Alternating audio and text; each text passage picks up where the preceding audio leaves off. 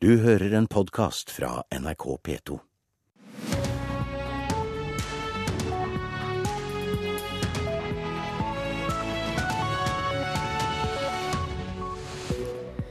Velkommen til Nyhetsmorgen. Klokka er 6.30 i studio nå, Anne Jetlund Hansen, og dette er hovedsakene våre den neste halvtimen. Regjeringen i Syria er villig til å inngå en våpenhvile i byen Aleppo. Helsevesenet må overta flere transporter av psykisk syke pasienter, ifølge politireformen. Men det er helt nødvendig med hjelp fra politiet når pasientene er farlige, sier Terje Strand ved Oslo universitetssykehus. Bistand fra politiet i noen av disse transportene, det vil, vi, det vil vi trenge uansett hva som blir politisk bestemt eller ei. Og kritikken hagler mot Munch-museets utstilling av Munch og Bjarne Melgaard. Kunstner Viktor Lind reagerer på hvordan museet forvalter Munchs kunst. Det krenker og forringer, som det heter i åndsverksloven. Syrias regjering er villig til å stanse bombingen av byen Aleppo i seks uker for å få til en lokal våpenhvile. Det sa FNs spesialutsending til medlemmene av FNs sikkerhetsråd i går kveld. Men detaljene er ikke klare, og opposisjonen har ennå ikke tatt stilling til forslaget. FNs spesialutsending Staffan de Mistura har tidligere redegjort i FNs sikkerhetsråd for sin plan. Den går ut på å forhandle fram en lokal våpenhvile, en fryssone i sønderskutte Aleppo, som er Syrias mest folkerike by og en av de eldste i verden. Tanken er å bruke våpenhvilen til å få inn humanitær hjelp og sette i gang stabiliserende tiltak som kan bygge tillit og danne mønster for å forhandle fram en mer omfattende våpenhvile. Nå er Syrias regjering villig til en seks ukers pause i bombingen av Aleppo, sa Demistura i går. Men han har ennå ikke rukket å få reaksjoner fra den andre siden, som omfatter både den syriske nasjonalkoalisjonen med hovedbase i Tyrkia, Nusra-fronten og andre væpnede grupper som kjemper inne i Aleppo. Også her ligger djevelen i detaljene. Assad-regimet vil at våpenhvilen skal gjelde selve byen, opposisjonen at den strekker seg helt til Tyrkias grense. President Assad ønsker i utgangspunktet å sende inn politiet for å ta kontroll. Opposisjonen vil ha selvstyre i sonen med våpenhvile. Opposisjonen vil dessuten knytte frys til en politisk prosess som i utgangspunktet har Assads avgang som mål. Det er selvsagt helt uakseptabelt for den syriske regjeringen. Og med det fokuset som den amerikanske administrasjonen nå har på kampen mot IS, er det lite sannsynlig at USAs representant i Sikkerhetsrådet vil insistere på at en våpenhvile alltid i utgangspunktet skal knyttes opp mot en politisk prosess. I kampen mot IS har nemlig USA og Assad samme mål. Senere i dag skal Sikkerhetsrådet diskutere IS i Libya. Det er Egypt som har bedt om møte, etter halshuggingen av 21 kristne egyptere. Egypts president ønsker en sikkerhetsrådsresolusjon som åpner for at det internasjonale samfunn griper inn militært overfor IS i Libya. Det får han ikke nå. Gro Holm, Washington. Ja, og FNs sikkerhetsråd har også bedt partene i Øst-Ukraina om å legge ned våpnene og, å følge opp våpenhvilen. Det er fortsatt kamper mellom regjeringshæren og separatistene i byen Debaltseve. Og utenriksmedarbeider Tom Kristiansen, hva står det i resolusjonen fra Sikkerhetsrådet? Ja, Den minner om våpenhvilen som begge parter har signert, som lover å stanse våpenbruken, og det er da ikke blitt respektert. Den sier også at partene må respektere suvereniteten, uavhengigheten og integriteten til Ukraina. Og så gir den da den sedvanlige uttrykk for bekymring for uh, hvordan det har eskalert. Det er altså Russland som har utarbeidet teksten til denne resolusjonen, men det var også Russland som får mest kritikk. Hva går denne kritikken ut på? Ja, Det var særlig USA som var hard i klypa i Sikkerhetsrådet, og de viste til hva Russland gjør i Øst-Ukraina. USAs FN-ambassadør sa at Russland væpner separatistene, sender inn tunge våpen. Og så sa hun slutt å late som om dere ikke gjør det dere gjør, og fortsetter det sånn, så vil det koste Russland Russland eh, dyrt. Dere verner om egne grenser, men andres grenser de later dere som ikke fins, sa hun. Ja, Hva svarte Russland da til sitt eh, forsvar?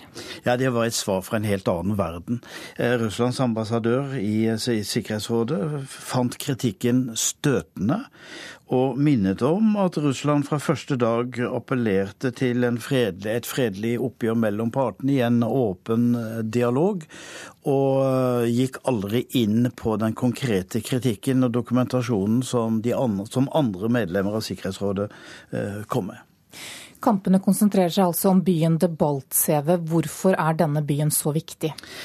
Den byen er kjent for å ha en stor jernbanestasjon, og der er det en strategisk viktig jernbanelinje eh, som forbinder Donetsk og Luhansk, som andre byer vi kjenner fra denne konflikten i, eh, i Øst-Ukraina. Eh, byen Debaltseve var på separatistenes hender i fjor. Eh, de siste dagene har ukrainske soldater blitt beskyldt for å ha gått over til fienden, men det ser ut til å skyldes at de slapp opp for ammunisjon og hadde ikke noe valg. Eh, ukrainsk fjernsyn har vist bilder av tekstmeldinger som angivelig russerne skal ha sendt til ukrainske regjeringssoldater, og der står det President Porosjenko har forrådt dere. Det er ingen grunn til å dø for denne mannen. Slik er krigens språk i Øst-Ukraina. Takk skal du ha, Tom Kristiansen. Her hjemme skaper høye pensjonskostnader bekymring i Kommune-Norge. Mange av kommunene sliter allerede med stor gjeld, og Lillehammer er et av stedene der pensjon er blitt et problem. Økonomisjef Anne Vattum taster seg frem i regnskapene på rådhuset i Lillehammer. Kommunens pensjonstall vekker hodebry. Pensjonsgjelda er, er høy. Vi har der drøyt to milliarder kroner. Eh, som tilsier ca.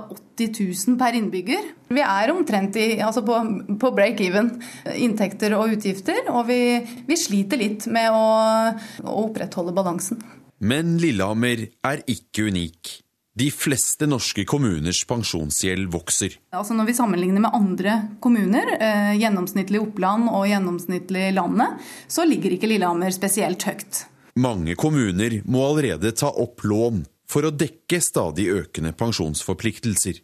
Også riksrevisor Per Christian Foss er bekymret over pensjonsgjelda. Den er en utfordring i årene som kommer. Når vi lever lenger, så er det klart at pensjonsalderen øker. Og selv om noen reguleringer ligger inne av, sånn, av typen eh, alders eh, levealderjustering, som det heter, altså at det blir noe kutt i pensjoner når generasjoner av mennesker lever lenger. Men pensjoner er en stor utfordring også for kommunene. Og kommunene låner generelt stadig mer penger. Én av seks kommuner sliter allerede med å håndtere kommunegjelda, viser Riksrevisjonens siste rapport. Foss håper kommunene nå forstår alvoret, men akkurat pensjonsregningen mener han det er fint lite å gjøre noe med. Det har kommunene ingen mulighet til, annet enn å redusere antall ansatte. Men eh, pensjoner er lovfestet, så det ligger utenfor kommunestyrets eh, rekkevidde å gjøre noe med det. Like fullt, i Lillehammer har ikke økonomisjefen noe mot at staten på en eller annen måte plukker opp noe av gjeldsregninga. Ville nok ha sagt ja takk og både neia og bukka på en gang, tror jeg. Reportere her det var Sindre Heierdal og Ole Martin Sponberg. Fylkesmannen i Oslo har åpnet tilsynssak mot Den katolske kirke i Norge. Årsaken er rot med medlemsregistrering. I 2012 ble biskop Bernt Eidsvik gjort oppmerksom på at kirken registrerte intetanende personer som medlemmer, skriver Dagbladet. Året etter vedtok bisperådet å stoppe denne praksisen, men likevel fortsatte den. Og ifølge fylkesmannen så kan dette være straffbart. Biskop Bernt Eidsvik mener beskrivelsen av disse forholdene er altfor negativ. Politireformen går inn for at flere transporter av psykisk syke pasienter skal gjøres av helsevesenet og ikke politiet. Men lederen for prehospitale tjenester ved Oslo universitetssykehus, Terje Strand, sier at det er nødvendig med hjelp fra politiet når pasientene er farlige. Justisministeren mener at politiet først og fremst må konsentrere seg om sine viktigste oppgaver. Politianalysen pekte på at det var viktig at politiet skulle konsentrere seg mer om sine kjerneoppgaver. Det sa justis- og beredskapsminister Anders Anundsen da han la frem politireformen i går. I avtalen går regjeringen inn for at transport av psykisk syke skal overføres fra politiet til helsevesenet. Leder for prehospitale tjenester ved Oslo universitetssykehus, Terje Strand, sier at ambulansepersonell trenger hjelp fra politiet når de hanskes med utagerende og farlige pasienter.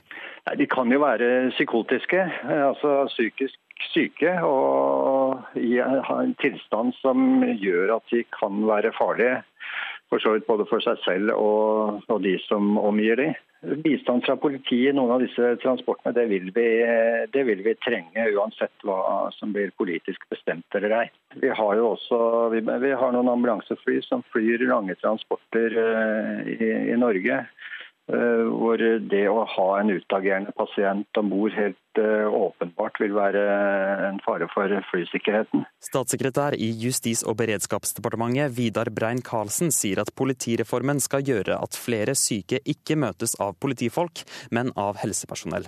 Han sier at politiet fortsatt skal bistå helsepersonell i de tilfeller der slike transportoppdrag anses som farlige.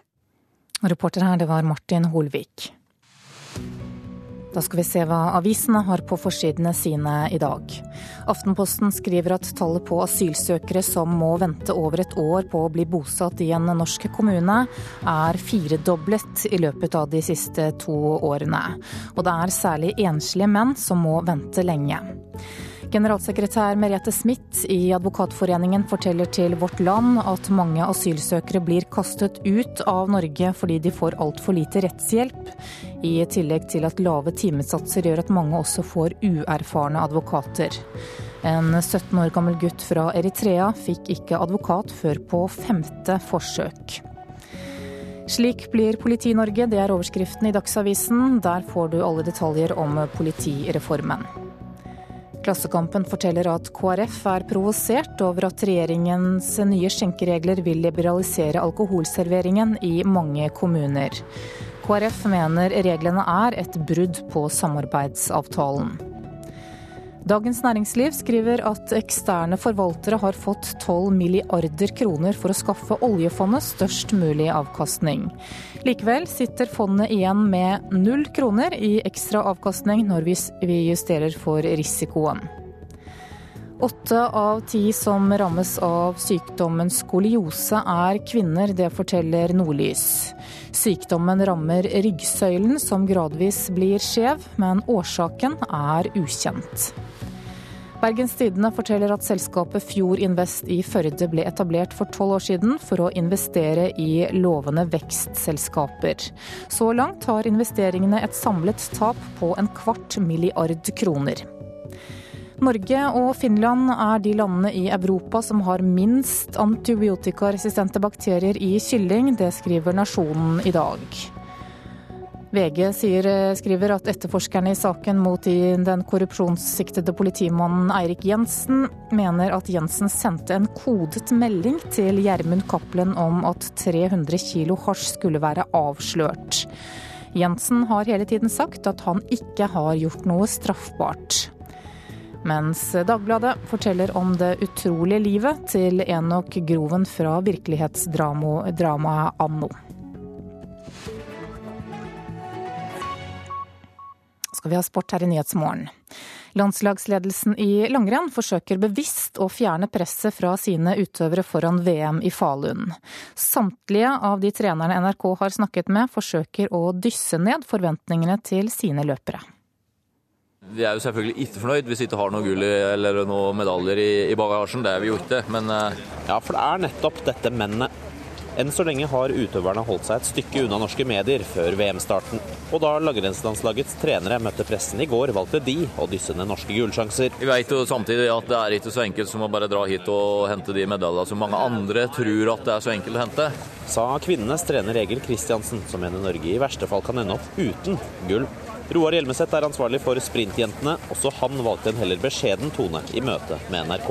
Kan iallfall ikke garantere noe som helst, men alle skal prøve å gjøre sitt beste. da. Ting skjer veldig fort, så vi, vi kan iallfall ikke ta noe for gitt. Til tross for at Norge har vært suverene, spesielt på kvinnesiden i år, er det altså ingen tydelig optimisme å spore. Heller ikke hos herretrener Trond Nystad. Jeg tror nok at realismen hos både journalister og folk generelt ikke altså De skjønner kanskje ikke hele tida problemstillinga.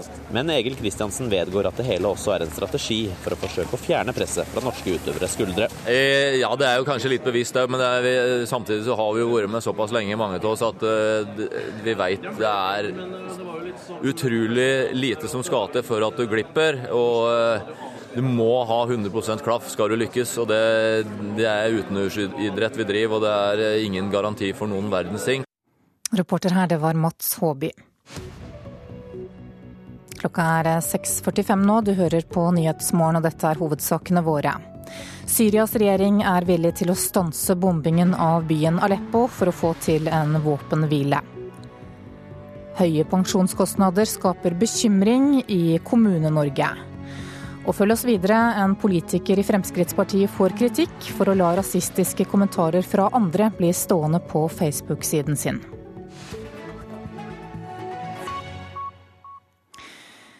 Mange har følt eh, avmakt etter terroren i København, og en av dem er Atle Thorberg. Han har nå skrevet et brev til den døde terroristen, og brevet er delt 13 000 ganger på internett. NRK møtte Thorberg på en kafé i området der gjerningsmannen ble drept. Ja, det er jo helt overveldende at det har vært så mye positiv respons på, øh, på det. Det hadde jeg slett ikke regnet med. Altså, det var helt sinnssykt. Altså, det jo vilt. Nærmest over natten har københavneren Atle Thorberg blitt en stemme i den danske samfunnsdebatten. Søndag gikk han en tur til Nørrebro stasjon, stedet der terroristen Omar el-Hussein ble skutt og drept. Bare timer etter at politiet hadde avsluttet sin aksjon. Thorberg så rundt seg og så at livet allerede var i ferd med å gå videre. I Facebook-innlegget 'Brev til en død terrorist' skriver Thorberg at gjerningsmannen ikke har klart å endre Danmark. Det har ført til en flom av positive reaksjoner, men også noen negative. Ja, men De skriver sånn noe med at det er, at det hyller terrorisme. og Så skriver de at det er noe verre Morten Korkvrøvel, eller at han har gjort en meget stor forskjell. Øh, terrorisme, terrorist og terroristangrepet har gjort en forskjell. Det har han jo også, men det er jo ikke rett stort. Altså, det er jo meget litt. Man må også være realistisk og se på, på, på det for hva det er. I dagene etter terroraksjonen har det blusset opp en debatt om innvandring i Danmark. Thorberg mener det er viktigere å snakke om gjerningsmannens gjengbakgrunn. Hva er det? Ja, det er jo tre-fire promille av den samlede antall muslimer i Danmark som man har et problem med. Det, det, er, ikke, det er jo ikke en reell fare. Selvfølgelig er de til fare i enkeltstående situasjoner, og de kan lave en masse ballader, og de kan slå mennesker i hjel, og de kan gjøre grimme ting, og de kan lave, øh, lave en masse problemer for seg selv og for deres omgivelser, for oss alle sammen. Men det er ikke noe vi ikke kan overkomme. Til tross for innvandringsdebatten er Thorberg lettet over måten det danske samfunnet har møtt terroren på. Men ellers så syns jeg at det, folk har reagert fint. Jeg tar det jo enormt stille og rolig, og det syns jeg også man skal gjøre. Det er jo den måten vi gjør det på her hjemme. Det er at vi tar det jo. Det er den danske måten? Ja, det er den danske måten. Det minner man faktisk om. Du vet, hvis man sidder på gamle dager, hvor man sad på et værtshus, ikke, og så var der noen der kom om og skulle og sådan noget, ikke, så, så var det sånn ah, stille og rolig, stam nu lige av, Ole. Ikke? Og du ved ikke, ja, ja, men det kan vi godt forstå. Og så man talte liksom om, om det. Selvfølgelig var det noen der var oppe og slåss. Men når man så ligesom, det var liksom overstået, ja, men så var det også, nå ja, du ved, så ind og drikke bare, og så slapper man litt av. Du ved, det er sådan en form for gelassenhed, eller hva man kan kalle det, som jeg, som jeg, som jeg ser som noe typisk dansk. Reporter i København, det er Martin Sondag. Kunstneren Lars Wilks, som trolig var målet for det ene terrorangrepet i København, mener at dansk politi undervurderte trusselen mot ham. Wilks sier at han har inntrykk av at gjerningsmannen hadde bedre våpen enn politiet, og politiet må derfor vurdere om de trenger å være bedre bevæpnet, sier han til nyhetsbyrået AFP. Wilks har mottatt en rekke drapstrusler etter at han tegnet muslimenes profet Mohammed som hund i 2007. Et eh, innlegg som Fremskrittspartipolitiker Line Miriam Sandberg postet på siden sin på Facebook, har utløst flere rasistiske kommentarer.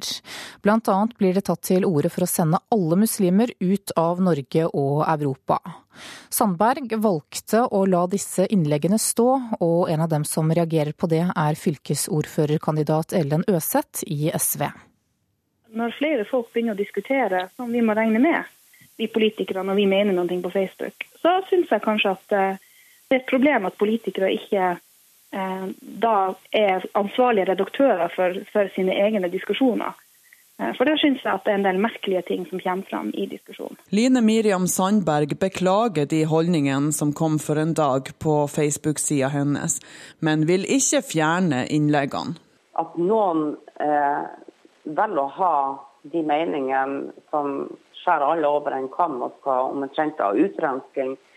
Det er beklagelig og det er synd. Og ja, jeg har et ansvar som politiker eh, å ta tak i det. Det kan jeg gjøre på deres eh, meldingsboks. Jeg kan ta en telefon, jeg kan skrive en mail.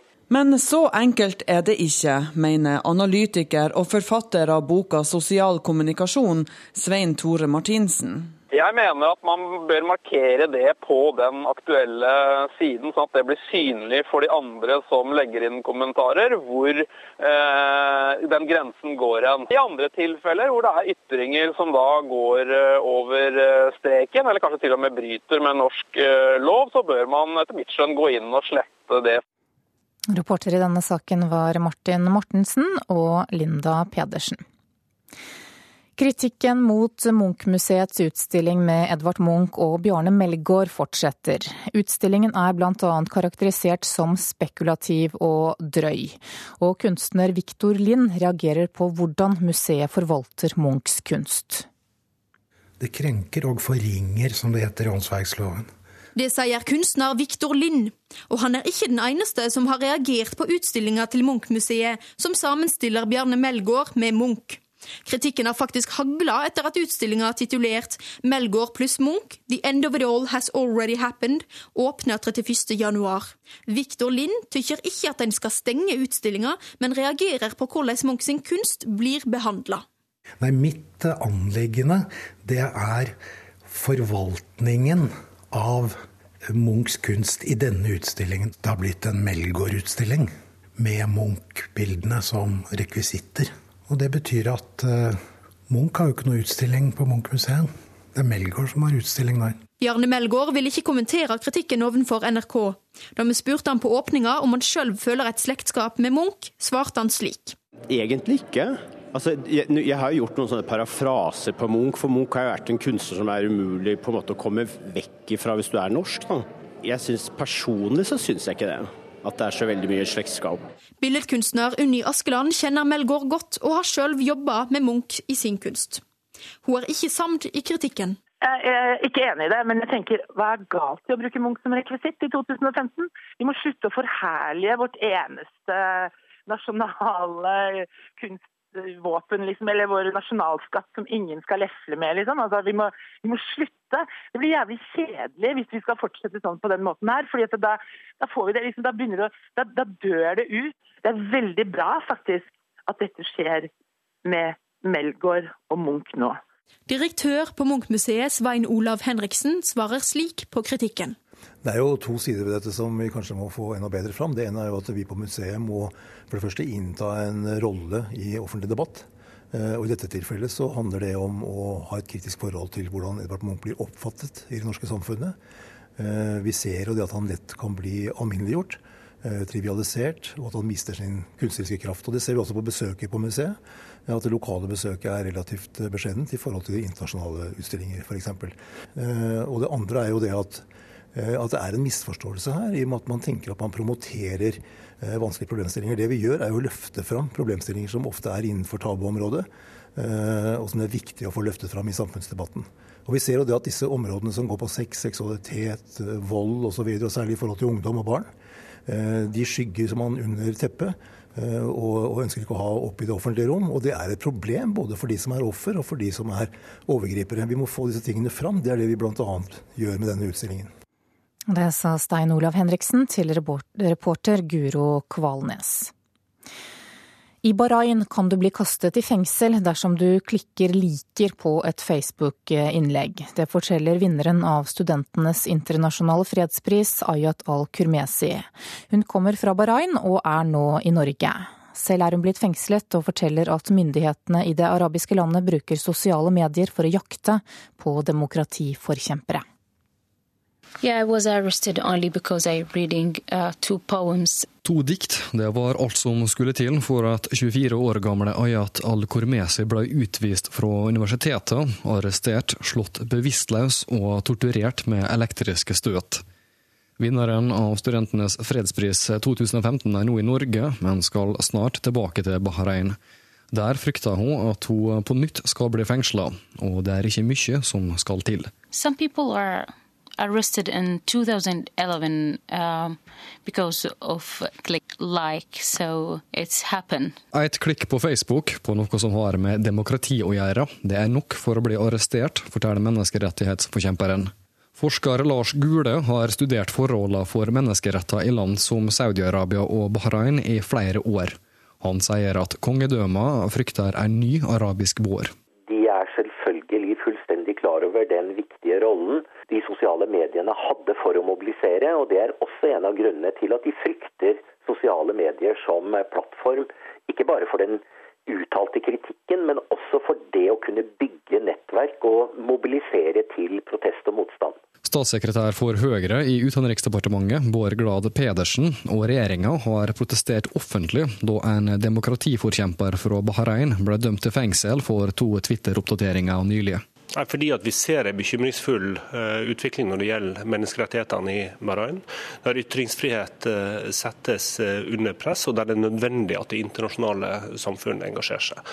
Vi har engasjert oss både gjennom å offentlig ta opp saker, og ta det opp i direkte dialog med Bahrain, og ta det opp i internasjonale sammenhenger, ikke minst i FN. Samtidig som Norge protesterer på kneblinga av ytringsfridom, så har Norge sært våpen til de arabiske emiratene og militært utstyr til Saudi-Arabia for over 700 millioner kroner. Glad Pedersen sier at det har strenge regler for våpeneksport. Eh, det åpnes ikke for eksport av eh, våpen til eh, Saudi-Arabia, men det har vært eksportert en del forsvarsmateriell dit som ikke kan brukes til intern undertrykking. Og vi vil videreføre den strenge politikken som den forrige regjeringa førte på dette området. Reporter her, det var Øystein Vinstad. Da skal vi se på et værvarsel som gjelder til midnatt. Fjellet i Sør-Norge kan vente seg vestlig periodevis sterk kuling utsatte steder. Øst for Dovre sørvestlig liten kuling. Snø utover dagen, regn opp mot 1300 meter og nedbør vesentlig i vestlige fjellstrøk. Østlandet på kysten liten kuling, spredt sludd eller regn vesentlig øst for Oslo og Mjøsa, ellers skyet opphold og lokal tåke. Telemark og Agder på kysten opp i liten kuling. Perioder med regn vesentlig i vest, ellers skyet eller delvis skyet oppholdsvær. Rogaland sørvestlig liten kuling i nord. Regn og yr, snø over 700 meter. Hordaland sør- og sørvestlig stiv kuling på kysten og utsatte steder. Regn, snø over 700 meter og lokalt mye nedbør. Sogn og Fjordane kan vente seg sørlig sterk kuling på kysten, til dels full storm ved Stad, regn, snø over 700 meter og lokalt mye nedbør. Møre og Romsdal sørlig liten kuling utsatte steder, i formiddag økning til stiv kuling og dreiende sørvestlig. Fra i formiddag sørvestlig liten storm på kysten, regn og snø over 300 meter. Trøndelag dreining til sørlig liten kuling. Snø og sludd, regn i lavlandet. I ettermiddag økning til sørvestlig liten storm på kysten. Regn og lokalt mye nedbør.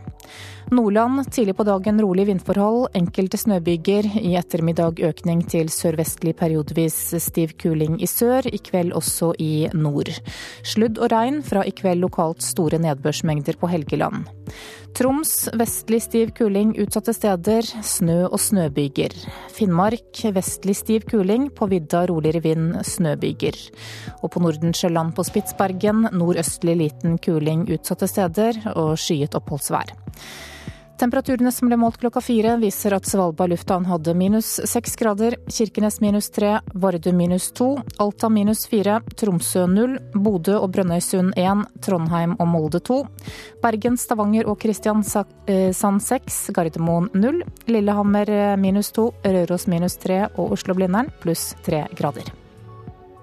Du hører en podkast fra NRK P2.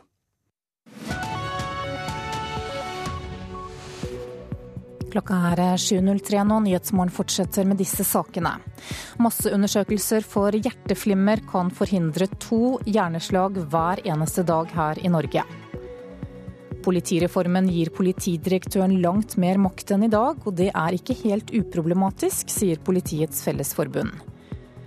En amerikansk spesialagent er overrasket over at norsk politi ikke etterforsker mange av sakene der nordmenn som nettdater blir svindlet. Som vi hørte i Dagsnytt, en massekartlegging av hjerteflimmer kan altså forhindre 700 hjerneslag hvert eneste år. Det anslår hjertespesialist Steinar Madsen, og han får støtte fra en svensk professor. Landsforeningen for slagrammede mener at det bør innføres rutinemessige undersøkelser for hjerteflimmer. Sånn. Så det her. Her sitter jeg. Vi møter Roger Amundsen på kontoret. At han er her, er slett ingen selvfølge. Det er ikke mer enn 14 dager siden jeg ble lagt inn på sykehus, eh, hvor de trodde det var et nytt slag. Men denne gangen var det falsk alarm for lederen i Landsforeningen for slagrammede. Den største risikofaktoren for hjerneslag er hjerteflimmer, som ca. 150 000 nordmenn har. Men hver tredje er ikke klar over at hjertet løper løpsk. Uoppdaget hjerteflimmer det er et stort helseproblem. Steinar Madsen er hjertespesialist. Hans beregninger tyder på at mange hjerneslag kan unngås dersom eldre rutinemessig blir sjekket for hjerteflimmer. Hvis vi begynner å lete etter atrieflimmer hos pasienter over 65 år, så vil vi kunne spare 700 hjerneslag i året. Hvordan vil dette fungere i praksis, et slikt screeningprogram? Altså, det kan gjøres på mange måter. Det kan gjøres ved at vi har et eh, offentlig screeningprogram, men det kan også gjøres ved at folk rett og slett kjøper seg dette utstyret og gjør det selv. Og Kanskje en kombinasjon er det beste. Og at de rett og slett melder inn da til fastlegen sin? Og melder inn til fastlegen, ja. Som hjertespesialist, eh, syns du at Norge skal gå i gang med dette? Jeg syns i hvert fall vi skal vurdere det veldig grundig, fordi nå har jo teknologien endret seg så dramatisk at det som var vanskelig for ti år siden, er nå blitt ganske lett. Vi har undersøkt nå 7000 pasienter i Stockholm og Halland. Sier den svenske medisinprofessoren Morten Rosenquist. 5% av dem han undersøkte, hadde flimmer uten å vite om det.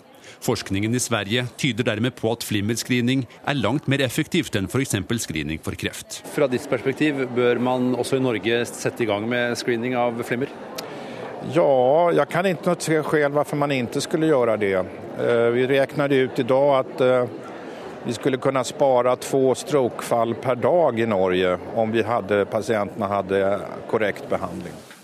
Nei, altså Da tar jeg og setter på, på armen min. Roger Amundsen viser hvordan han minst to ganger daglig måler blodtrykket. Trykker jeg på, og så blåser det opp, og det viser da hvor høyt blodtrykk jeg har. Han mener en masseundersøkelse av flimmer vil redde liv. Det anbefaler jeg på det sterkeste at det kommer i gang. Det beste hadde vært om vi får vite hva som feiler oss, for å ta vare på helsa vår. Vi vil jo ha det godt. Reporter her, det var Fredrik eh, Lauritzen. Helsepolitisk talsperson i Arbeiderpartiet, Torgeir Micaelsen, god morgen. God morgen, ja. Hva syns du om dette forslaget om å innføre slike masseundersøkelser for, hjerteflimmer her i Norge? Altså En variant av dette uh, synes jeg er en spennende idé. Uh, og Grunnen til det er at det å få hjerneslag det, er, ja, det er stor lidelse for pasienten. Og Det som er fordelen med et type screeningprogram, kan være ulike varianter, som de er inne på i innslaget, det er at man kan oppdage og starte behandling av sykdom før man får symptomer. Og Her er vi i en situasjon, Hvis man først får symptomer på hjerneslag, så kan det få til dels ganske alvorlige konsekvenser for pasienten. Men jeg synes vi skal vurdere det, for det er ikke uproblematisk å sette i gang nye programmer med screening i Norge. Det Eh, ja, det, det koster, eh, har til dels mye kostnader for samfunnet. og kan føre til at også vi oppdager såkalt mange po, altså falske positive, altså folk som ikke har f.eks. problemer med, eh, ja, med, hjertet i denne sammenhengen, da, som egentlig ikke trenger behandling. Så vurderer det nøye, men en spennende idé. Du sparer vel en del penger også på å avdekke disse mulige slagene før de kommer? Eh, absolutt, og vi har jo hatt eh, flere til dels veldig vellykkede programmer både i Norge og internasjonalt når det gjelder å ta i bruk sånn type screening som det snakkes om her. Eh, bare for noen år siden innførte vi jo nye tester av nyfødte, hvor det er rett og slett bare et stikk i, i hælen for arvelige sykdommer. Vi har hatt stor suksess med livmorhalsscreeningen av kvinner i Norge, som har spart mange liv. Men så har det f.eks. vært en diskusjon om vi også bør innføre en slags eh, ja, screeningordning for prostatakreft. Eh, der er det eh, uenighet internasjonalt, og derfor har vi vært avventende med å sette i gang et, et masseprogram rundt det. Men det som er veldig spennende med, med, med, med slag, da, som er utgangspunktet for saken her i dag, det er jo at det nå finnes teknologi som gjør at man kanskje kan gjøre et sånn type screeningprogram der vi vil oppdage Eh, sykdom før pasientene får symptomer på en mer moderne måte og kanskje en mer kostnadseffektiv måte. Du sier at du syns det høres spennende ut å ha en variant av disse masseundersøkelsene. Hva slags variant er det du ville gått for? Nei, altså Forskerne er jo inne på at en, mulighet, at vi kunne hatt en slags eh, kombinasjon der eh, vi, altså folk f.eks. over 65 år eh, tester seg hjemme via moderne ja, mobiltelefonutstyr, andre ting. Men jeg tenker vel at en annen variant kan også være at, at pasienter over en viss alder som regelmessig i de aller fleste tilfeller er innom fastlegen sin. Eh, at det blir gjort da rutinemessig kontroll av, eh, ja, av puls, da, som er ofte indikasjonen på om man eh, har ja, begynnende hjerteflimmer, som igjen kan da føre til slag. At det kan være en variant. Jeg er litt mer usikker på om man skal sette i gang en sånn type storskala innkallingsbasert system i Norge, men det utfordrer jeg egentlig nå helseminister Bent Høie og regjeringen til å gjøre en seriøs uh, vurdering av og komme til Stortinget. Jeg syns dette er en så spennende idé at, uh, at, dette er noe vi seriøst bør vurdere. Men Du er avventende fordi du mener at det koster for mye penger, rett og slett? Altså, jeg er av... Jeg syns dette som sagt er en veldig spennende idé, og jeg syns at uh, historien har vist oss at når det er fornuftig, så bør vi gjennomføre denne type screeningprogram. Men jeg tar ikke lett på å innføre noe sånt. Det er et ganske svært tiltak i helsetjenesten, og derfor mener jeg at det må Eh, vurderes selvfølgelig av regjeringen. Jeg vil ikke ta stilling til det over bordet. Men jeg syns det er en veldig eh, spennende idé av hensyn til eh, ja, ja, pasienter og folk som kan bli syke i Norge når det gjelder slag. For det er en veldig alvorlig tilstand som vi bør gjøre veldig mye for å avdekke. Ok, Takk for at du var med i Nyhetsmorgen, Torgeir Micaelsen, helsepolitisk talsperson i Arbeiderpartiet. Politireformen gir politidirektøren og staben hans langt mer makt enn i dag, og det er ikke bare uproblematisk, sier Politiets Fellesforbund. Men politidirektør Odd Reidar Humlegård er godt fornøyd med at direktoratet får mer makt og nye fullmakter. Vi vet hvordan vi skal gjøre det. Dette gir oss en mulighet til å rydde opp og tilby publikum bedre tjenester enn de får i dag. Det kan jo høres ut som det blir litt mer makt til deg. Hvor fornøyd er du med det?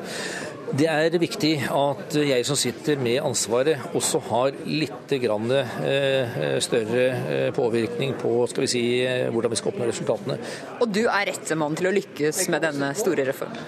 Jeg er i hvert fall en som har tro på denne reformen, og så er jeg helt avhengig av å få nå gode politimestre og ledergrupper rundt om i nye politidistriktene det er store endringer på gang, og litt motstand blir uunngåelig. Mange ledere i politiet vil få lavere stillinger, antall politidistrikt kuttes til tolv, og flere arbeidsoppgaver overføres til andre etater. Framtidas politi skal i større grad etterforske og oppklare forbrytelser. Og Politidirektoratet får langt større makt enn i dag.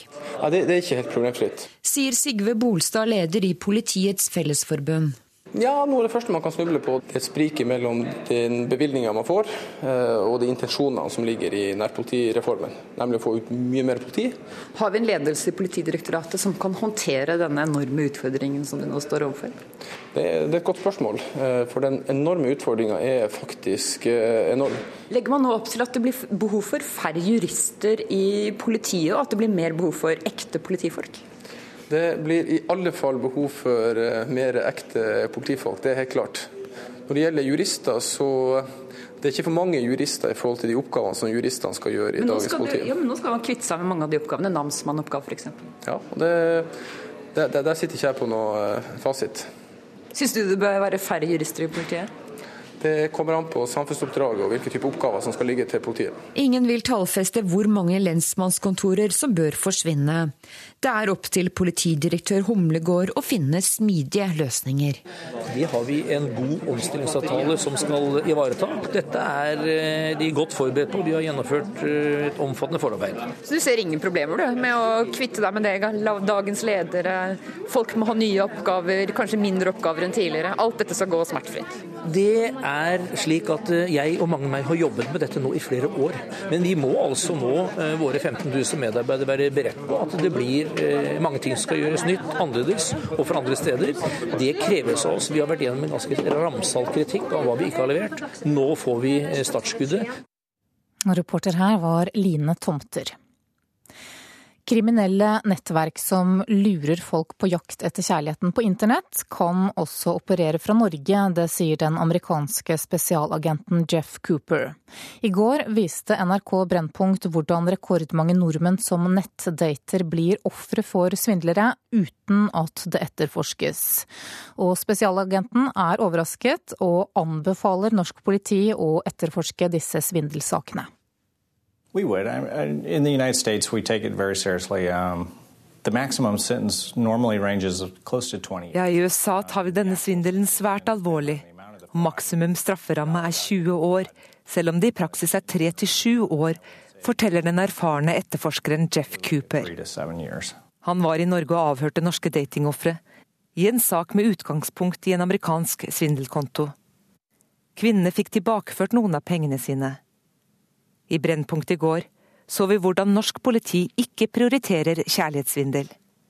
Økokrimsjef Trond Eirik Skjea fortalte at de har lagt seg på en forebyggende linje. Dette er uh, seige kriminelle miljøer, og, uh, og, det er tungt politiarbeid uh, å etterforske straffesaker på dette for å få tatt bakmennene.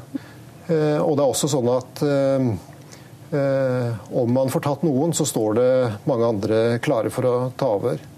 Du kunne se for deg eh, kanskje for eksempel 100 eh, økonomietterforskere i norsk politi. altså en, en, tredjedel av de som jobber med å håndtere økonomisk kriminalitet i norsk politi, satt på bare å jobbe med denne type saker i ett år, som et tankeeksperiment. det ville antageligvis neppe Eh, slått ut eh, dette problemet, det heller.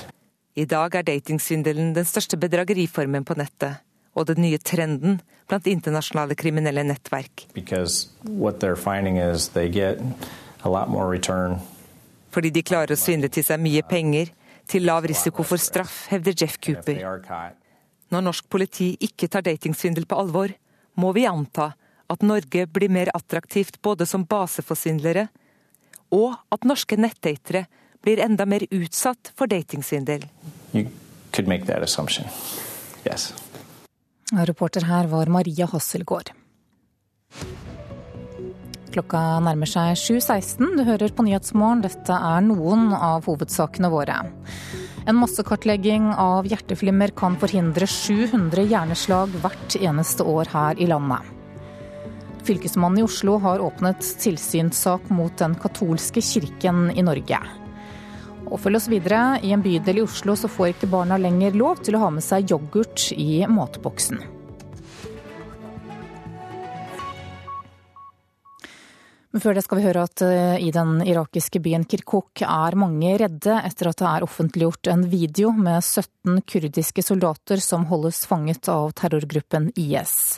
Soldatene blir vist frem i oransje fangedrakter i jernbur. Og familiene deres frykter at de kommer til å bli henrettet på samme måte som den jordanske flygeren eller de egyptiske kristne i Libya. I sin desperasjon har familiene nå valgt å ta til gatene. Rundt 70 familiemedlemmer demonstrerte i Kirkuk i Irak for å forsøke å presse myndighetene til å få til en fangeutveksling med IS, ifølge en reporter på stedet for det kurdiske nettstedet Rudau. De frykter for sine nærmeste, for at de skal lide en bestialsk død etter at en video med 17 kurdiske soldater framstilt i oransje drakter i jernbur begynte å sirkulere i kurdisk media.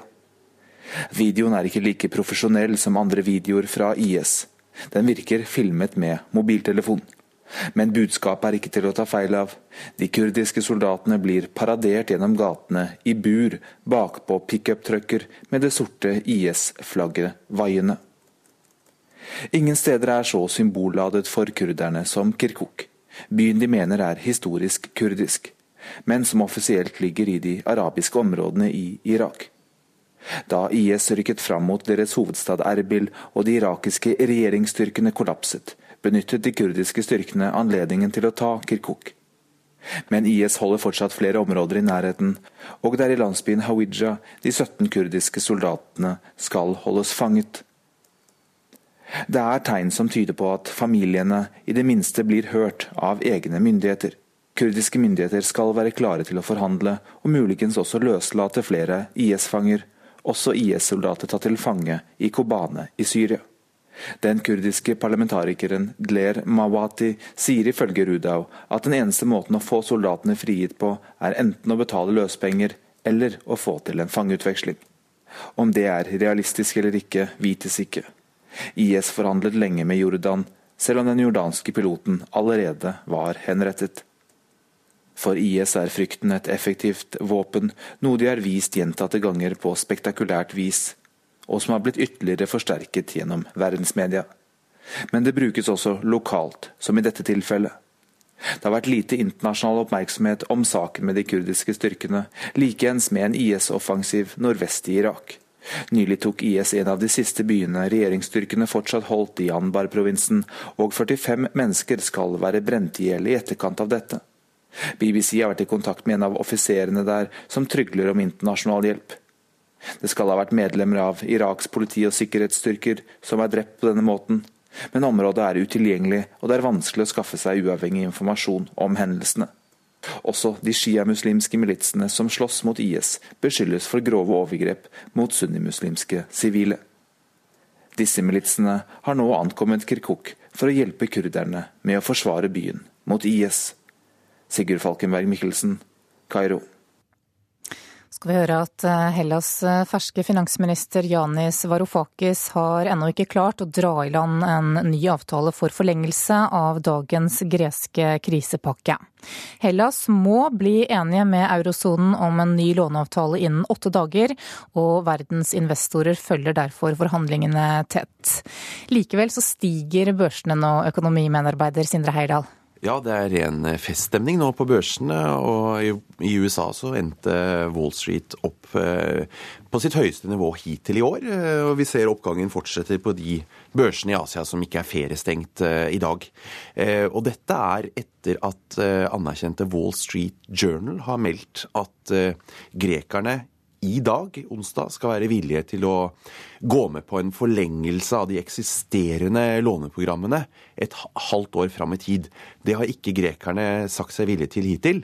Eh, det ville i så fall være en slags innrømmelse overfor eurosonen om at vi fortsetter som nå, uten noen endringer i, vilkår, i et halvt år for å liksom avverge den krisen som nå er under oppseiling. Ja, Hva er det ellers Hellas ønsker å oppnå i disse forhandlingene? Ja, Det nyvalgte partiet Syrissa har jo eh, hele veien eh, sagt at de ønsker å reforhandle eh, både vilkårene og gjelden. Altså de vil også ha kutt i gjeldsbyrden til eurolandene. Eh, også det er det man har sittet og forhandlet om eh, foreløpig. Men man har altså slitt med å finne en løsning. Det har vært et, et spill mellom eurosonen og Hellas som ikke har funnet noen løsning. Det siste møtet på mandag varte bare noen få timer.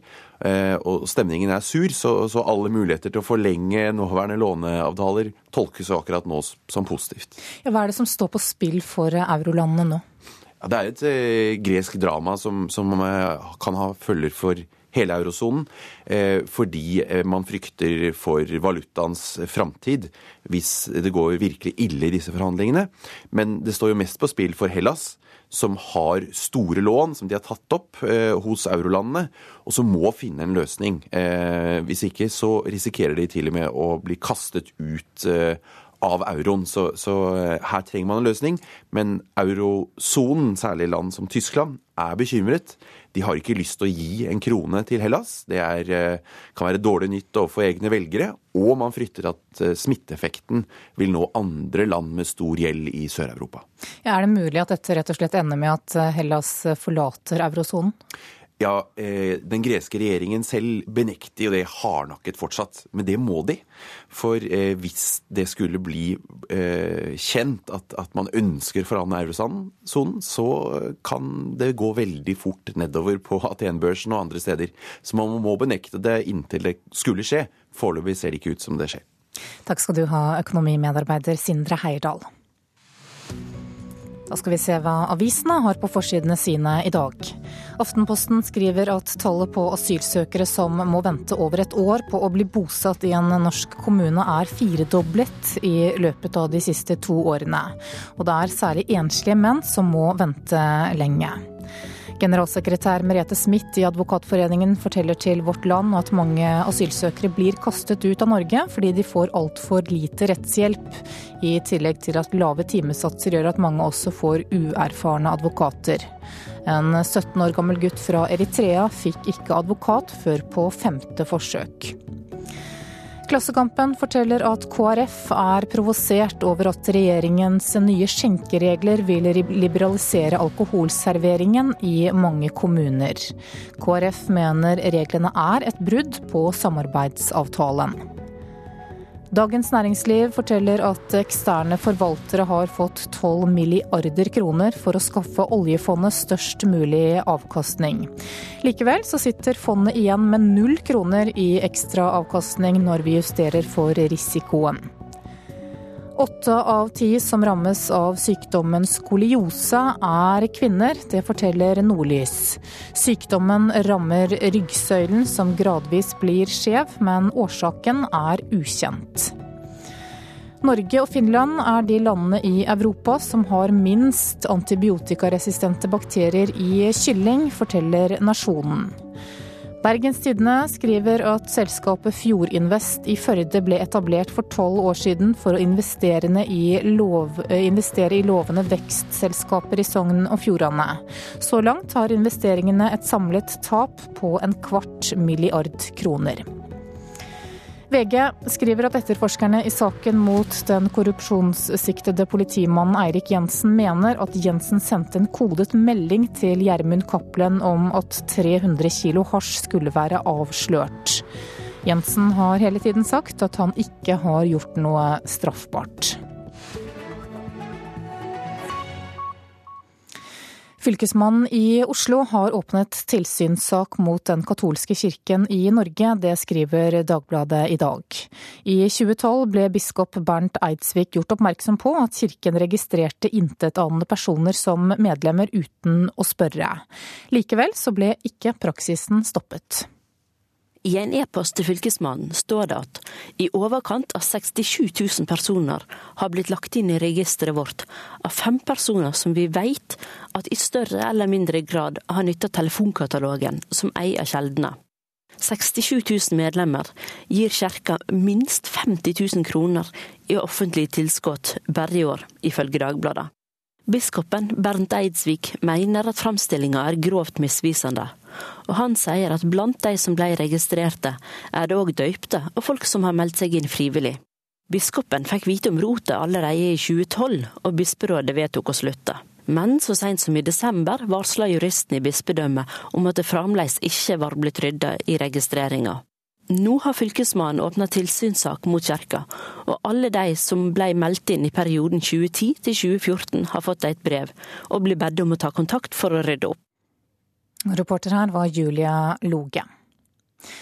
Foreldre i barnehagene i Alna i Oslo får ikke lenger lov til å sende med barna det de selv vil i matboksen. Bydelen har nemlig innført nye retningslinjer for matvett, og det betyr bl.a. at yoghurt og kakao er uønsket. I Barneslottet barnehage sitter Sofie på to og et halvt år godt plassert ved bordet, klar til å åpne matpakka som moren har sendt med. I dag har hun med seg blåbær og grove brødskiver. Etter at bydel Alna innførte egne matvetteregler for alle barnehagene i bydelen, kan hun ikke lenger ha med akkurat det hun vil. Yoghurt er ikke lenger lov. Vi har fått beskjed om at kommer det, så blir det sendt i retur, helt uavhengig av type yoghurt. Det forteller moren til Sofie, Sheila Chung Rindalsholt. I barnehagene er det heller ikke lov å ha med pølser, fiskepinner eller pizza. Retningslinjene sier også noe om hva slags drikke barna bør ha med seg. Jeg føler at hodet mitt er skrudd på riktig, at jeg klarer å tenke gjennom å sende med et godt variert kosthold. Og jeg skjønner jo at det finnes foreldre som ikke gjør det, men det er lov å snakke med de òg. Og ha en dialog. Bydelen har gitt ut et eget informasjonshefte om de nye retningslinjene. Likevel er det mange spørsmål blant foreldrene. Foreldrerepresentant i Barneslottet barnehage, Trine Spjelsnes, stiller selv spørsmål ved hvordan barnehagepersonalet skal følge opp de nye rutinene. Det er ikke ernæringsfysiologer der, de er barnehagepedagoger og de er kjempeflinke på jobben sin. Eh, og så skal de bli pålagt enda en oppgave som de kanskje ikke har forutsetningene til å ivareta heller. Jeg ville ha følt det veldig stressende. Mange i bydel Alna sliter med overvekt, diabetes og dårlig tannhelse. Ved å innføre felles retningslinjer for alle barnehager, håper bydelsdirektør Tore Olsen Tran på å bedre folkehelsa. Likevel innrømmer han at dialogen med foreldrene kunne vært bedre. Jeg tror det trenger mer felles bevissthet rundt det. For det, er veldig vanskelig hvis du, noen har med seg si, syk, veldig sukkerholdige yoghurter, og noen andre ikke har med, så det er vanskelig å etablere en god praksis i barnehagen. Så det å ha gode sånn, felles forståelse av hva vi kan ha med, det er nødvendig. Foreldrerepresentant Trine Spjelsnes mener matreglene er feil måte å ta tak i problemet på. Jeg syns det er litt overformynderi. Jeg syns at fokus på kosthold og helse er kjempebra. Det er veldig viktig. Men jeg har trua på å gjøre det med positiv forsterkning istedenfor forbud, og at man skal assosiere mat med noe negativt. Reporter her, det var Nora Evensmo Vistendal. Du lytter til Nyhetsmorgen nå. Klokka nærmer seg 7.30 og Dagsnytt. I Politisk kvarter om ca. et kvarter så får du debatt bl.a. mellom Carl I. Hagen og Audun Lysbakken. Produsent for Nyhetsmorgen i dag er Eli Bjelland, og her i studio Anne Jetlund Hansen.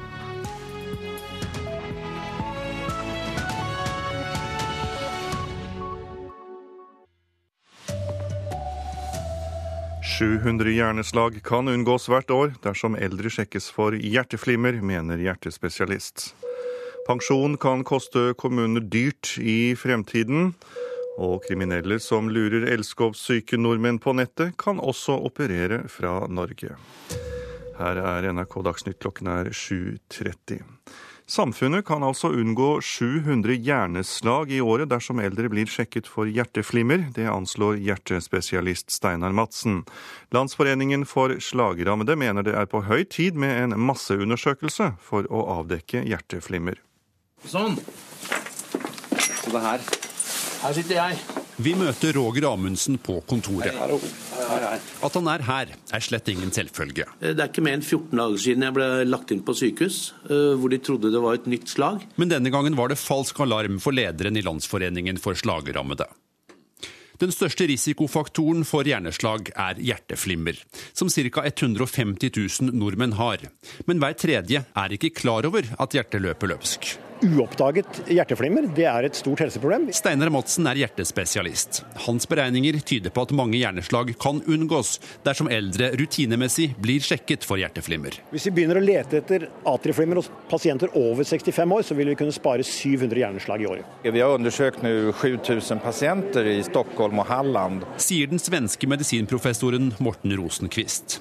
5% av dem han undersøkte, hadde flimmer uten å vite om det. Forskningen i Sverige tyder dermed på at flimmerscreening er langt mer effektivt enn f.eks. screening for kreft. Fra ditt perspektiv, bør man også i Norge sette i gang med screening av flimmer? Ja, jeg kan ikke se selv hvorfor man ikke skulle gjøre det. Vi regnet ut i dag at vi skulle kunne spare to strokefall per dag i Norge om vi hadde, pasientene hadde korrekt behandling. Nei, altså Da tar jeg og setter på, på armen min. Roger Amundsen viser hvordan han minst to ganger daglig måler blodtrykket. Trykker jeg på, og så blåser det opp, og det viser da hvor høyt blodtrykk jeg har. Han mener en masseundersøkelse av flimmer vil redde liv. Det anbefaler jeg på det sterkeste at det kommer i gang. Det beste hadde vært om vi får vite hva som feiler oss, for å ta vare på helsa vår. Vi vil jo ha det godt. Reporter Fredrik Lauritzen. Høye pensjonskostnader bekymrer norske kommuner. Mange av kommunene sliter allerede med høy gjeld. Også på Lillehammer er pensjonsforpliktelsene blitt et problem. Økonomisjef Anne Vattum taster seg frem i regnskapene på rådhuset i Lillehammer. Kommunens pensjonstall vekker hodebry. Pensjonsgjelda er, er høy. Vi har der drøyt to milliarder kroner, som tilsier ca. 80 000 per innbygger. Vi sliter litt med å, å opprettholde balansen. Men Lillehammer er ikke unik. De fleste norske kommuners pensjonsgjeld vokser. Altså når vi sammenligner med andre kommuner, eh, gjennomsnittlig Oppland og gjennomsnittlig landet, så ligger ikke Lillehammer spesielt høyt. Mange kommuner må allerede ta opp lån for å dekke stadig økende pensjonsforpliktelser. Også riksrevisor Per Christian Foss er bekymret over pensjonsgjelda. Den er en utfordring i årene som kommer. Når vi lever lenger, så er det klart at pensjonsalderen øker. Pensjoner er en stor utfordring også for kommunene. Og kommunene låner generelt stadig mer penger, viser Riksrevisjonens siste rapport. Foss håper kommunene nå forstår alvoret, men akkurat pensjonsregningen mener han det er fint lite å gjøre noe med. Det har kommunene ingen mulighet til, annet enn å redusere antall ansatte. Pensjoner er lovfestet, så det ligger utenfor kommunestyrets rekkevidde å gjøre noe med det. Reportere var Sindre Heierdal og Ole Martin Sponberg. Nå skal du få møte Atle Thorberg, som er en vanlig danske som følte avmakt etter terroren som rammet København. I et brev skrevet til den døde terroristen, et brev som nå er delt 13 000 ganger på nettet, så skriver Thorberg at gjerningsmannen ikke har lykkes med å endre livene til det danske folk. NRK møtte Thorberg på en kafé i området der gjerningsmannen Omar El Hussein ble skutt og drept.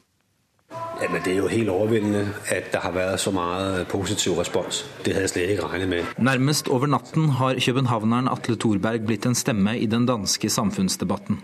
I dagene etter terroraksjonen har det blusset opp en debatt om innvandring i Danmark.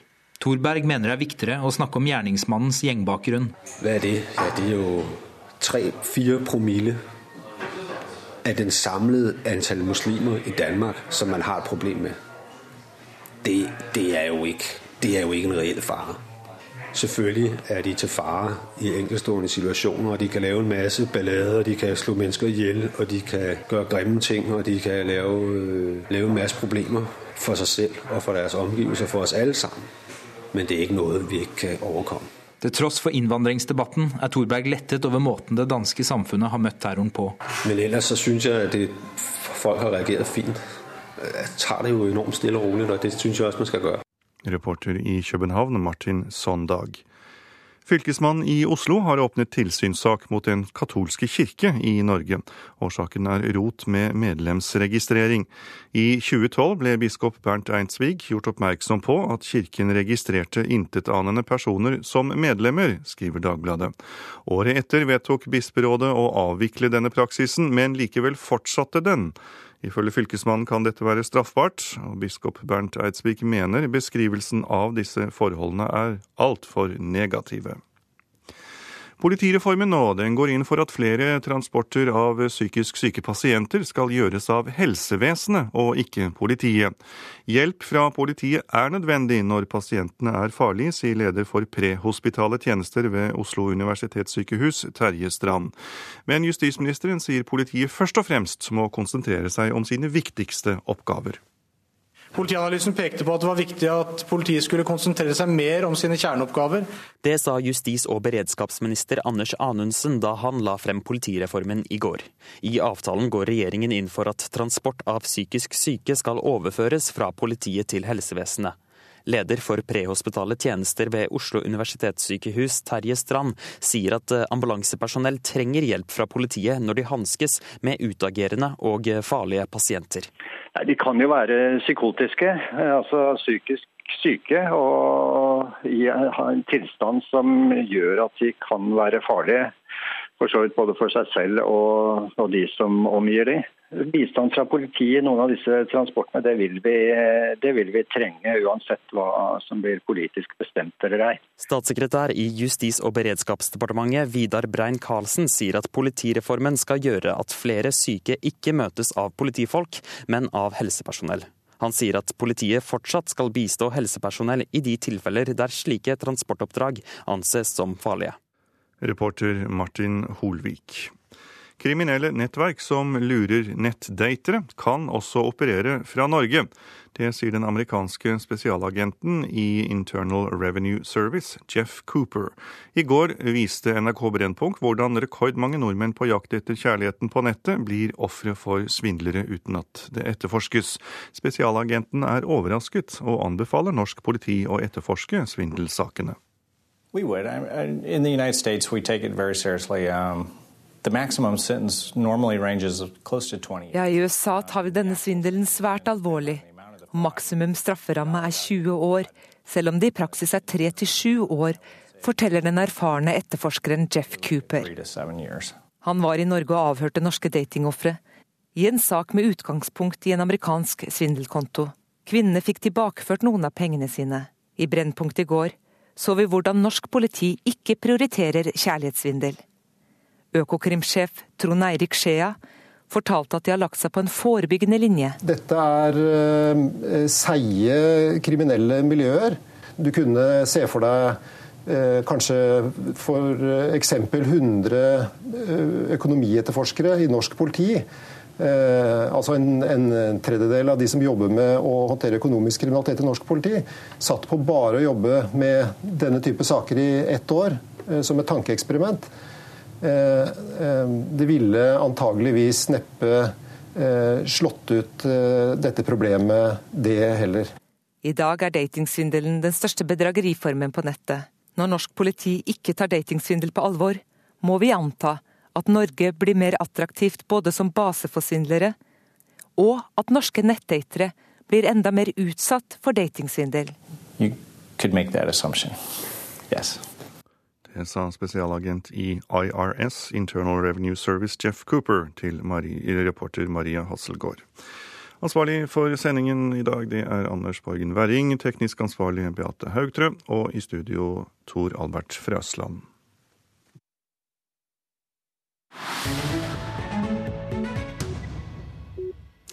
Klokka er 7.40 eh, og i Nyhetsmorgen nå så skal vi til USA, og nærmere bestemt til delstaten Vermont. De har sendt en sosialist til Senatet og vil ha et helsevesen der staten betaler for eh, alle. Og mange av dem som bor der, skryter faktisk av politikerne sine.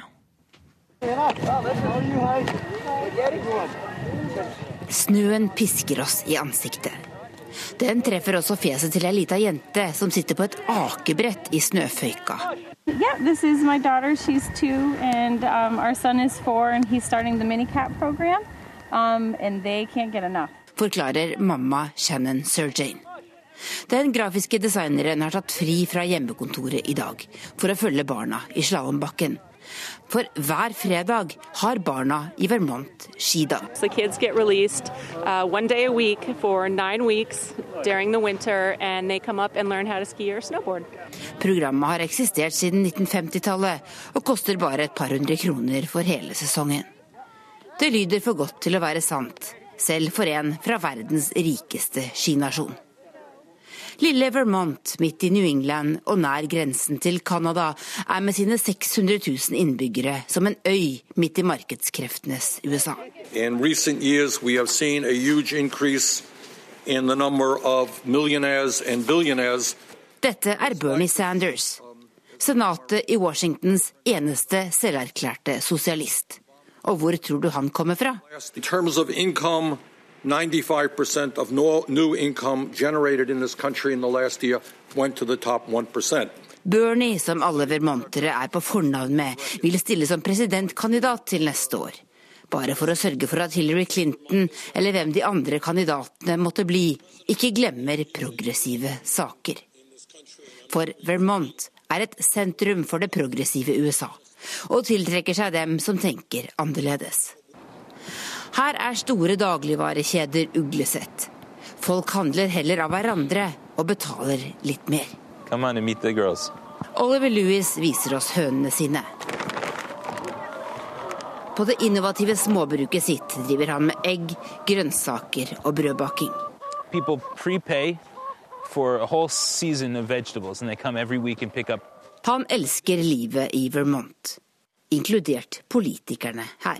I think that Vermont represents sort of the best of America as far as liberal politics. I think that uh, our representatives are pretty awesome, which is something that probably most uh, people can't say about their elected leaders, right? I den hvite kapitolbygningen i USAs minste delstatshovedstad med knappe 8000 innbyggere er det knapt en sikkerhetsvakt å se. Vanlige folk traver ut og inn av den staselige bygningen i Montpelier. Og i ett høringsrom er det spesielt mange mennesker. Der diskuterer helsepolitikerne et utvidet forslag til helsereform, forklarer demokrat Tim Briglin. Sure not only that people have insurance, but that uh, if they're lower income, that uh, we can help make sure that the health care they get through their health insurance system is actually affordable for them. Her nøyer de seg ikke med en reform som kan regulere forsikringsselskapene. Politikerne i Vermont ønsker et helsesystem som ligner de vi har i Skandinavia. Et der staten betaler helseutgiftene og folk betaler litt mer skatt. For det er dyrt. De 600 000 som bor her er ikke blant USAs rikeste. I alle fall ikke på gods og gull. Men her er mye annet å hente, forklarer Shannon Sir Jane, som skal til å ta med seg to stivfrosne smårollinger hjem fra slalåmbakken. Um, Reporter her, det var vår USA-korrespondent Tove Bjørgaas. Klokka er 7.44 nå, du lytter til Nyhetsmorgen og dette er noen av hovedsakene våre. Masseundersøkelser for hjerteflimmer kan forhindre to hjerneslag hver eneste dag her i landet, ifølge en hjertespesialist.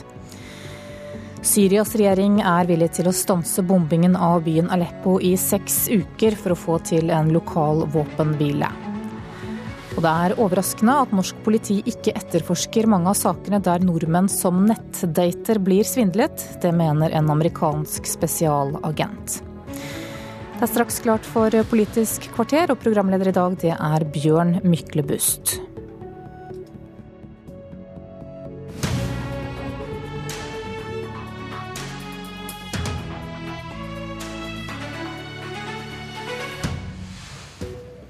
Må Max Hermansen bli drept før befolkningen våkner når det gjelder snikislamifiseringen?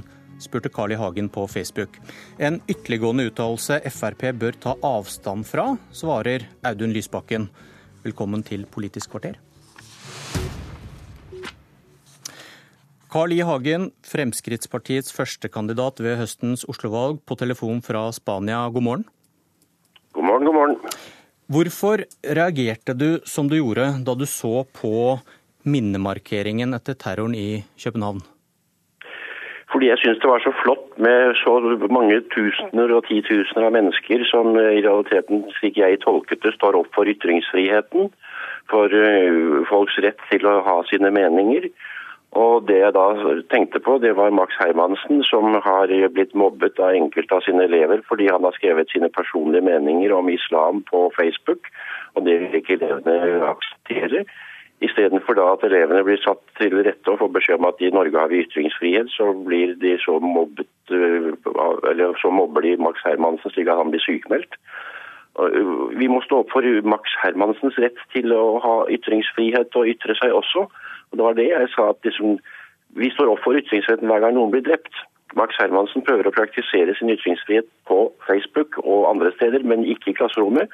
Han ble altså mobbet vekk fra sin stilling. Jeg syns vi skulle støtte hans rett til å ytre seg. Mange meninger han har som jeg er også rykende uenig i. Men hans rett til å mene noe, det er den vi må stå opp for, og ikke bare for de som dessverre er, er blitt drept. Det, så det er ytringsfriheten. Jeg har fremmet forslag i, i bystyret om at eh, byrådet må sørge for at det blir så sikre og trygge arbeidsforhold for Max Hermansen og alle andre selvsagt, at de kan utøve sin eh, lærergjerning. Hvordan henger Hermansen-saken sammen med det du skriver er sitat, snikislamifiseringen og den voksende ettergivenheten for press fra ulike islamske pressgrupper i skole, høyskoler, universiteter og arbeidsliv? Der viser jeg til eh, gjentatte meldinger i avisene. Sist en glimrende kronikk av Per Edgar Kokkvold i Aftenposten på, på søndag. Eh, rapporter om Islam Nett, som har møter hvor kvinner og menn må sitte forskjellige. Og man aksepterer veldig mange nye, nye ting. En del menyer i fengsler og sykehus endres for at ikke eh, endres for alle, for at man skal være sikker på at ikke muslimene spiser noe annet. Selvsagt skal de kunne få rett til en spesiell mat når det er religiøse hensyn, men det betyr ikke at det skal gå utover alle andre. Og jeg tror at det er, det er veldig mange ting i det offentlige rom. Vi har, eh, vi har debatter om burka, om hijab. Dette er en debatt som pågår hele tiden. Men det, viktigste for meg er at vi må stå opp for ytringsfriheten. Eh, ikke bare for de som er blitt offer for terroristhandlinger fra ytterliggående islamister, men også for de som blir mobbet fordi de ytrer seg. Og de skal i hvert fall få lov til å beholde jobben når de ikke har gjort noe galt i jobbsituasjonen. Og her blir, føler jeg at Max Hermansen blir forfulgt istedenfor at man står opp for retten hans. Som sagt, Jeg er uenig i mye av det han sier, men han har rett til å gjøre det. og Derfor er jeg spent på hvordan de øvrige partier eh, stemmer i bystyret nå vårt forslag om at her må byrådet ta affære og sørge for at han kan komme tilbake på jobb, og at det blir trygge arbeidsforhold for den der i Oslo-skolen. SV-leder Audun Lysbakken, hva tenker du om det Hagen sier her? Hagen blander kortene eh, hadde nær sagt som vanlig, men denne gangen på en, en ekstra foruroligende måte. Fordi eh, det attentatene i København eh, har handlet om, det er ekstrem islamisme. Carl I. Hagen benytter anledningen kort tid etter de attentatene til å starte en debatt istedenfor om innvandring generelt, om muslimer generelt. Han trekker opp igjen begrepet snikislamisering, som er et begrep som Fremskrittspartiet heldigvis sluttet å bruke etter 22.07. Og det var jo fordi eh, debatten etter 22.07 viste hvordan nettopp det begrepet hentet fra et ekstremt univers. Det er et begrep som eh, Fjordmann og hans like bruker til å beskrive en utvikling der muslimene tar over makten i Europa, blir en stadig større del av befolkningen osv. En virkelighet som rett og slett verken er sann eller i nærheten av å være sann i Norge eller Europa i dag. Eh, og jeg mener at et ansvarlig parti som Fremskrittspartiet har et ansvar for å trekke en anstendighetslinje, for ikke å bruke de ekstreme ekstremes begreper. og Det handler om å være med på å isolere de ekstreme kreftene i vårt samfunn. Akkurat som det var utrolig positivt når vanlige muslimer gikk til gatene mot profetens umma for å isolere de, så har Fremskrittspartiet som representanter for si, den demokratiske og fredelige innvandringsmotstanden i Norge et ansvar for å isolere de elementene som f.eks. serverer ytterliggående konspirasjonsteorier av typen snikislamisering. De ekstremes begreper, Hagen? Jeg legger merke til at Lysbakken overhodet ikke kommenterte det jeg sa, men kom med en tirade av beskyldninger og påstander. Jeg vil spørre Lysbakken, mener du at Max Hermansen skal ha den samme beskyttelse for ytringsfriheten som alle andre? Og er du villig til å snakke med dine folk i bystyret for at de kan støtte vårt forslag om at vi kan ikke være passive tilskuere til at en lærer blir mobbet av sine elever for sine personlige synspunkter på Facebook. Det er elevene som må akseptere at læreren mener noe annet enn det de selv mener. Det er et selvsagt utgangspunkt for oss at ingen skal få yrkesforbud pga. sine meninger. Eh, det er faktisk sånn i Norge det er faktisk, La meg snakke ferdig nå, Hagen. Det er faktisk sånn at eh, det har vært eh, mange på venstresiden som har blitt rammet av yrkesforbud i Norge for noen tiår tilbake. Jeg kan aldri se at Carl I. Hagen var spesielt engasjert i det, men vi er prinsipielle på det. Ingen skal få sparken pga. sine politiske syn. Det som avgjør om du skal være lærer eller ikke, det er om du holder læreplanen. Så tror jeg kanskje at Hagens framstilling av den saken er litt skeiv, men det spiller ingen rolle. Jeg stoler på at Oslo kommune sørger for at politiske meninger i seg sjøl ikke skal føre til at man ikke får en jobb. Men så må Carl I. Hagen svare på mitt spørsmål. Hvorfor i all verden henter han fram igjen begrepet snikislamisering? Han vet hva det betyr, han vet hvordan det blir forstått. Det er ikke en anstendig måte å drive en diskusjon om islam, muslimer og innvandring til Norge på, Hagen. Nei, Jeg er rykende uenig. Hvis du følger med rundt omkring i Europa, fra det som skjer i Tyskland, det som skjer i England, hvor man snakker om byer som er overtatt, og hvor man har innført uh, Hvilke byer er overtatt i England? Nei, Det er ingen som er overtatt, men man snakker, det skrives om det. Birmingham har store problemer. Andre har varslet om at i enkelte strøk er det innført sharia-domstoler. Det har vært diskutert også i Norge om man i visse sammenhenger skulle la de forskjellige religiøse gruppene gjøre noe av det vårt rettsapparat gjør. Så denne Men debatten, dette er det jo ingen som diskuterer seriøst i Norge, Hagen? Jo, den, er, den har vært oppe i Norge. Jeg sitter ikke med noen arkiver foran meg nå, men det kan jeg dokumentere når jeg kommer hjem. Og det er islamisering av landet vårt, altså? Vi har, en, nei, vi har en diskusjon om påvirkningen fra islam også i Norge. Vi skal ha religionsfrihet, jeg respekterer de aller fleste muslimer gjør sin jobb, går på jobben, betaler sin skatt og er ordentlige mennesker, men det er en god del ytterliggående eh, også. Og Der har jeg tillatt meg å si at hvis det er noen norske, og det, det sier jo PST om denne faren, PST kommer med sine rapporter, og sier at det er norske nordmenn som nå deltar på IS sin side i konflikten i Irak. og Det mener jeg det er landssvik, fordi Norge er med i kampen mot IS. Og hvis det er en norsken som går på IS sin side, så er det landssvik. Her må vi være mye mer aktive og ikke så naive men, som veldig mange vært. Men dette er jo alle politiske miljøer enig i. Alle er opptatt av å bekjempe ekstrem islamisme. Men du skaper et inntrykk av at vanlige muslimers tilstedeværelse i Norge er et problem. Jeg har lyst til å minne deg om debatten etter 22.07. Da var Fremskrittspartiet veldig opptatt av noe jeg mener er riktig, nemlig at vanlige innvandringsmotstandere ikke skulle tildeles skyld fordi én mann gjorde. Nå må Fremskrittspartiet vise den samme anstendigheten og ikke begynne å blande debatten om ekstreme islamisters vold med vanlige muslimers tilstedeværelse i Norge. Det er faktisk uanstendig, og det er uriktig. Siste replikk til det, Hagen. Må, ja, så må Lysbakken få med seg når han snakker om Fremskrittspartiet. Snakker, nå diskuterer du med en tidligere leder i Fremskrittspartiet. Jeg representerer Oslo Fremskrittsparti kun, og det gjør jeg i bystyresaker. Her er det meg som person som ytrer meg på Facebook, og da skal du ikke la Fremskrittspartiet lide for det eventuelt Carl I. Hagen nå mener på sin private person. Ok, Da kan vi avslutte med at du får støttehagen fra partifeller i VG i dag. Innvandringspolitisk talsmann i Frp, Masar Keshvari, sier at sitat, det han skriver er helt greit, og en passe oppfølging av det som skjer.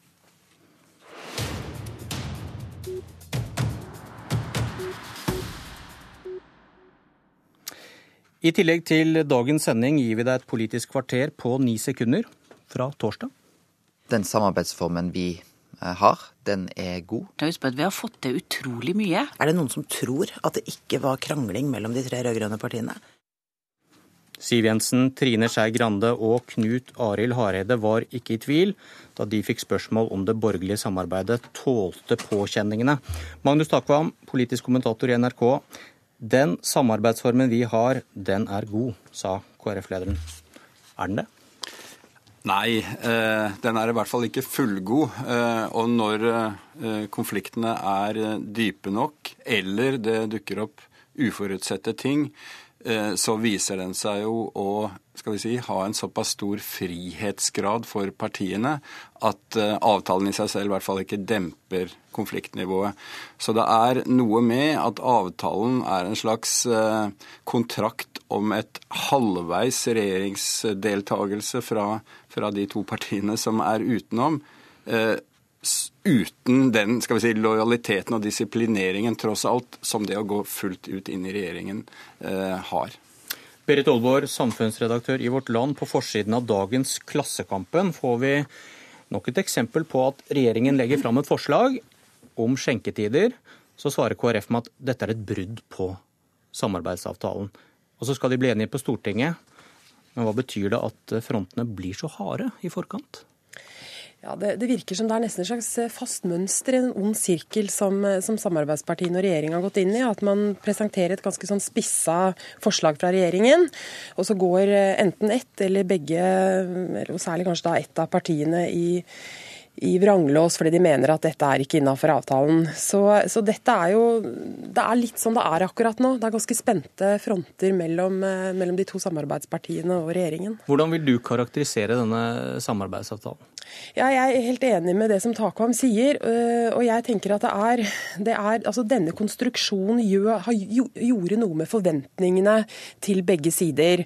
Fordi eh, når sentrumspartiene gikk inn i denne modellen, eller denne avtalen, så hadde de en økt forventning om gjennomslag i forhold til hva man kunne forvente seg liksom, i forhold til å sitte i opposisjon.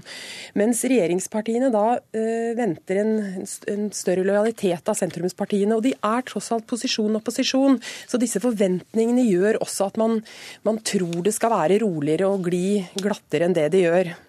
Hva tenkte du da du hørte de tre partilederne på torsdag etter all bråket rundt eh, asylbarnsaken?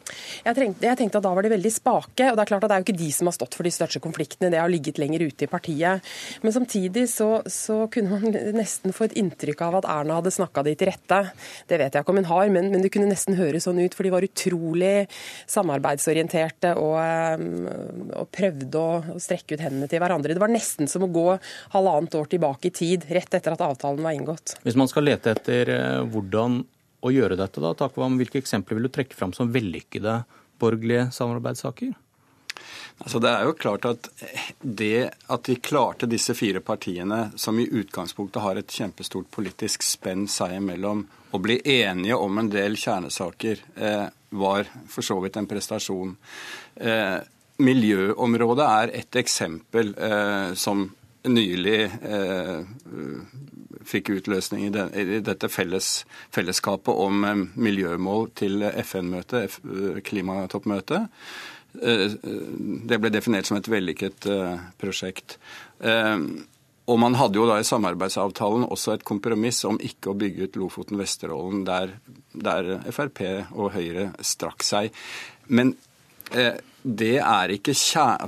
Altså, I og med spennet jeg snakker om mellom Frp og sentrumspartiene som det mest konfliktskapende, så er det et eksempel på en sak der Frp på en måte ikke prioriterer miljøsaken først og fremst. De taper ikke så mange velgere på å gi konsesjoner i, i den typen sak. Men den siste konfliktsaken, asylsaken, er et eksempel på at det er uforløst. Der blir jo nettopp det at eh, KrF og Venstre anklager eh, regjeringspartiene for ikke å holde seg til samarbeidsavtalen, sprengkraften. Og den er jo på, på grensen av mistillit partene imellom, og veldig alvorlig. Er vi historieløse? Har vi, har vi glemt at de rød-grønne kranglet, de også, som Siv Jensen var inne på her? Ja, De krangla mye, og det, vi som fulgte det tett, så jo at mange, de var mange ganger sinte og fortvilte. og Særlig de to små partiene følte nok at de av og til ikke fikk gjennomslag. Men dette skjedde på bakrommet. sånn Det at det skjer i offentligheten gir nok en ekstra sprengkraft. Eh, til konflikten. Eh, men, men, det er helt åpenbart at de tre rød-grønne partiene hadde sine store feider. Men jeg vil nok også legge til at det er nok en større avstand rent eh, faktisk og politisk fra, fra sentrumspartiene på den ene sida til Fremskrittspartiet på den andre i forhold til hva det var i, i det rød-grønne samarbeidet. Takk Berit Aalborg, takk Magnus Takvam. Dette var et Politisk kvarter. Jeg heter Bjørn Myklebust. Du har hørt en podkast fra NRK P2.